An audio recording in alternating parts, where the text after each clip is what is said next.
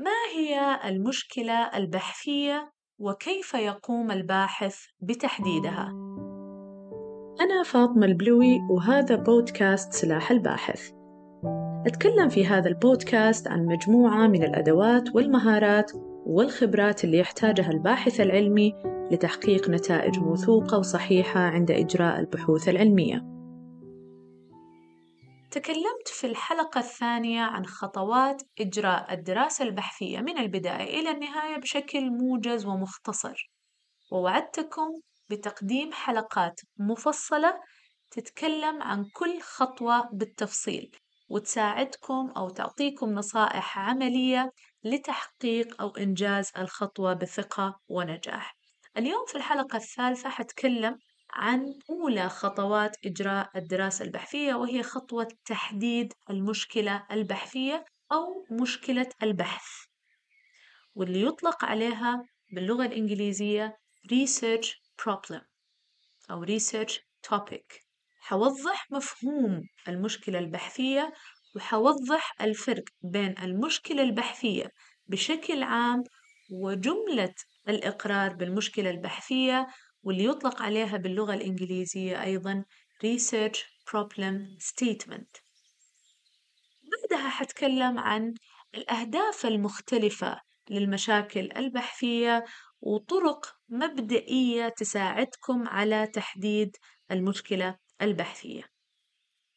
أولاً خليني أوضح إنه تحديد المشكلة البحثية ليس مجرد خطوة أولى، هو خطوة جوهرية وحاسمة في أي محاولة بحثية مهما كان حجمها ومهما كان الهدف من المحاولة البحثية سواء كانت دراسة بحثية بغرض النشر العلمي أو كانت دراسة بغرض الحصول على درجة علمية مثل الماجستير والدكتوراه مهما كان حجم الدراسة تحديد المشكلة البحثية بوضوح ورسم حدودها يمهد الطريق ويسهل للباحث التركيز على منطقة معينة يساعد الباحث على تحديد المصادر يساعد الباحث أو يحرك باقي أو ما تبقى من العملية البحثية بالكامل.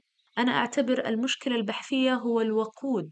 أو المحرك الأساسي اللي يقود الدراسة بالكامل. يساعد الباحث على تحديد الهدف والغاية من البحث. يساعد الباحث أيضا على صياغة الأسئلة البحثية والفرضيات البحثية على تصميم الدراسة على جميع الخطوات اللي تتبع تحديد المشكلة البحثية. ما المقصود بالمشكلة البحثية؟ المشكلة البحثية قد يوحي كلمة توحي كلمة المشكلة أو problem بأنها شيء سلبي. أو إنها مشكلة عالقة موجودة في أرض الواقع ونبحث عن حلها. هذا الكلام غير صحيح. هي تسمى بالمشكلة ولكن يقصد بالمشكلة البحثية المسألة أو الموضوع اللي يرغب الباحث في طرحه ودراسته ومناقشته. قد تكون مسألة أو ظاهرة إيجابية. ليس بالضرورة أنها تكون سلبية. قد تكون مسألة إيجابية كنجاح منظمة معينة أو نجاح مؤسسة معينة أو نجاح قانون معين أو نجاح برنامج تعليمي معين آه، يحاول الباحث أنه يلقي الضوء على هذه المسألة ويدرس العوامل اللي أدت إلى تشكيلها أو العواقب والآثار المترتبة عليها أو حتى قد تكون مشكلة فعلا سلبية ويحاول البحث عن حلول لها أو تقديم حلول تمنع من حدوث هذه المشكلة مستقبلا أو تقلل من آثارها. السلبية.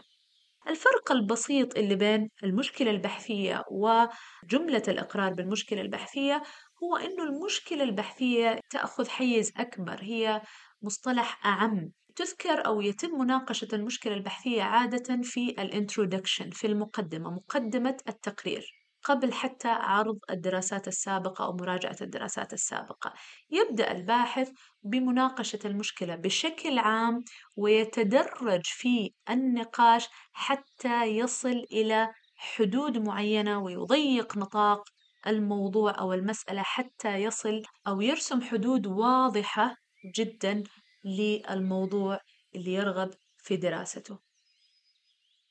من شروط تحديد المشكلة البحثية أن الموضوع البحثي أو المشكلة البحثية ما يكون عام ما يكون برود من أكثر الأخطاء الشائعة للباحثين المبتدئين إنه إذا سئل عن موضوع البحث أو المشكلة البحثية يطرح موضوع عام جدا غير قابل للقياس والبحث. مثلا الرضا الوظيفي التعليم عن بعد.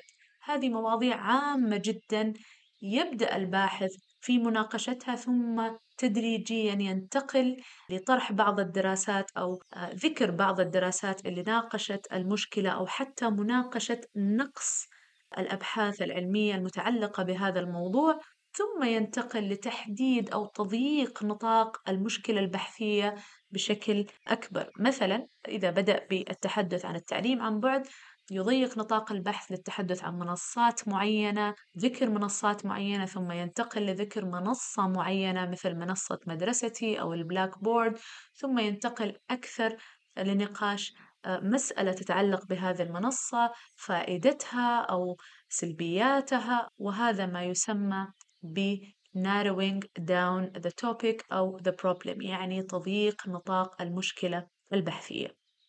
بينما جملة الإقرار بالهدف زي ما ذكرت كل الكلام اللي قلته عن المشكلة البحثية هذا ياخذ حيز أكبر يعني ممكن ياخذ أكثر من باراجراف حسب طول التقرير طبعا.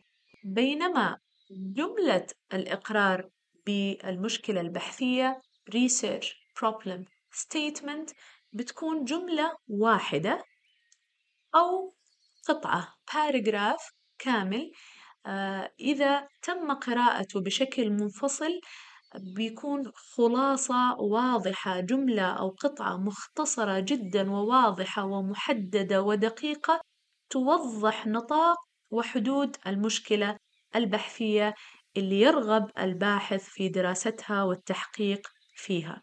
أو بطريقة أوضح أو بكلمات أخرى ممكن نقول إنها توضح الثغرة المعرفية اللي يحاول الباحث أن يسدها إذا أقدر أختصر تعريف جملة الإقرار بالمشكلة البحثية بأنه إعلان وإقرار واضح من الباحث للمسألة الأساسية أو الموضوع الأساسي اللي يرغب في دراسته وطرحه ودوره أو ما يحاول الباحث أن يقوم فيه لمناقشة هذه الأسئلة.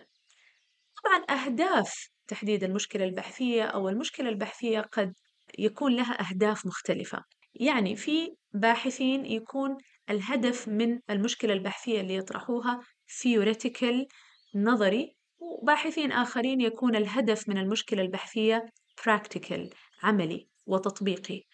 إذا كان الباحث هدفه theoretical فهو بيطرح مشكلة بهدف إثراء المعرفة الموجودة والإضافة إلى الأبحاث السابقة والمعرفة الموجودة مسبقًا. فتح أبواب جديدة للباحثين أو إلقاء الضوء على عوامل جديدة لمناقشة المسألة البحثية. ما إذا كان هدفه practical عملي تطبيقي عادة يكون بيطرح مشكلة بهدف إيجاد حلول لها. يبقى السؤال الأخير كيف أحدد المشكلة البحثية؟ من فين أبدأ؟ طبعا في طرق كثيرة تساعد الباحث على تحديد مشكلة بحثية أولها التجارب الشخصية والخبرات الأكاديمية والخبرات العملية.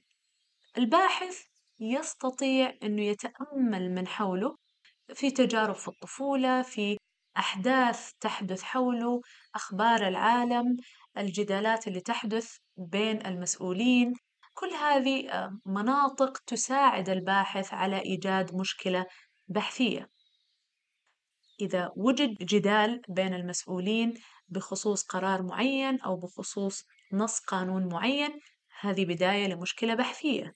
أيضا إذا وجد ثغرات في الأبحاث السابقة وهذا الموضوع حتكلم عنه في الحلقة الخامسة بإذن الله الثغرة المعرفية العلمية وبتكون الثغرة عادة إذا وجد نقص حاد في مسألة معينة في الأبحاث العلمية السابقة وجد أنه لا يوجد دراسات كافية تجيب على سؤال معين أو تناقش مسألة معينة.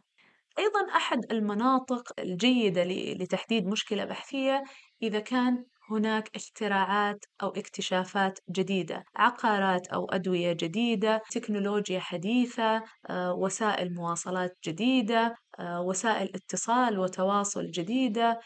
أي اختراع أو اكتشاف جديد يفتح الباب على مصراعيه للباحثين لتحديد مشاكل بحثية لأنه طبعا هو اختراع جديد فلا يوجد دراسات سابقة كثيرة وبالتالي في نقص حاد في الأبحاث اللي تناقش هذا الاختراع أو هذه المسألة.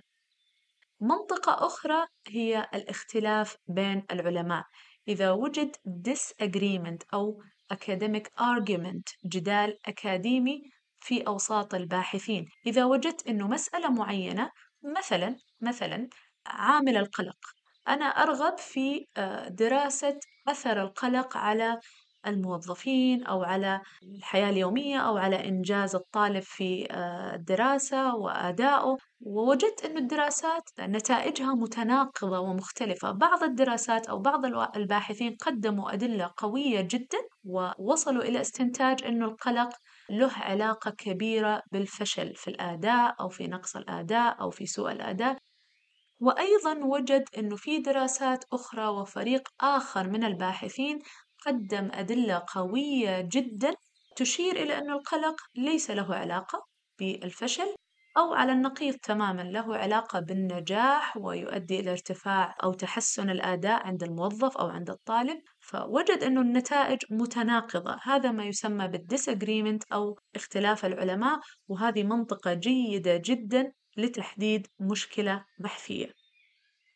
أخيرا قد تكون بداية أو ال starting point نقطة البداية لإيجاد مشكلة بحثية هو الاختلاف في السياق. يعني تبدأ في قراءة الدراسات السابقة وتعتقد كباحث بأن إجراء الدراسة في سياق مختلف مع عينة مختلفة في منطقة جغرافية مختلفة في حقبة زمنية مختلفة قد يؤدي آه، للوصول إلى نتائج مختلفة.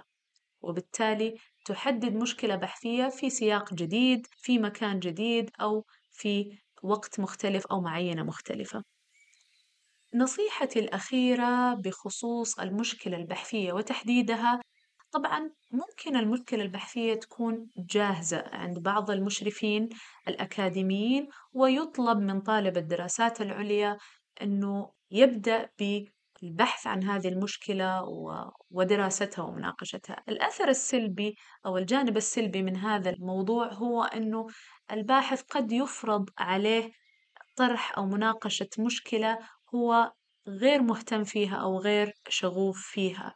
وأنا دائما أعتقد أن الشغف هو المحرك الأساسي للدافعية ولتحفيز الباحث على إكمال رحلة البحث وإثارة الفضول بداخله ورفع مستوى العزيمة والإصرار والصبر والمثابرة للوصول إلى استنتاج موثوق في النهاية.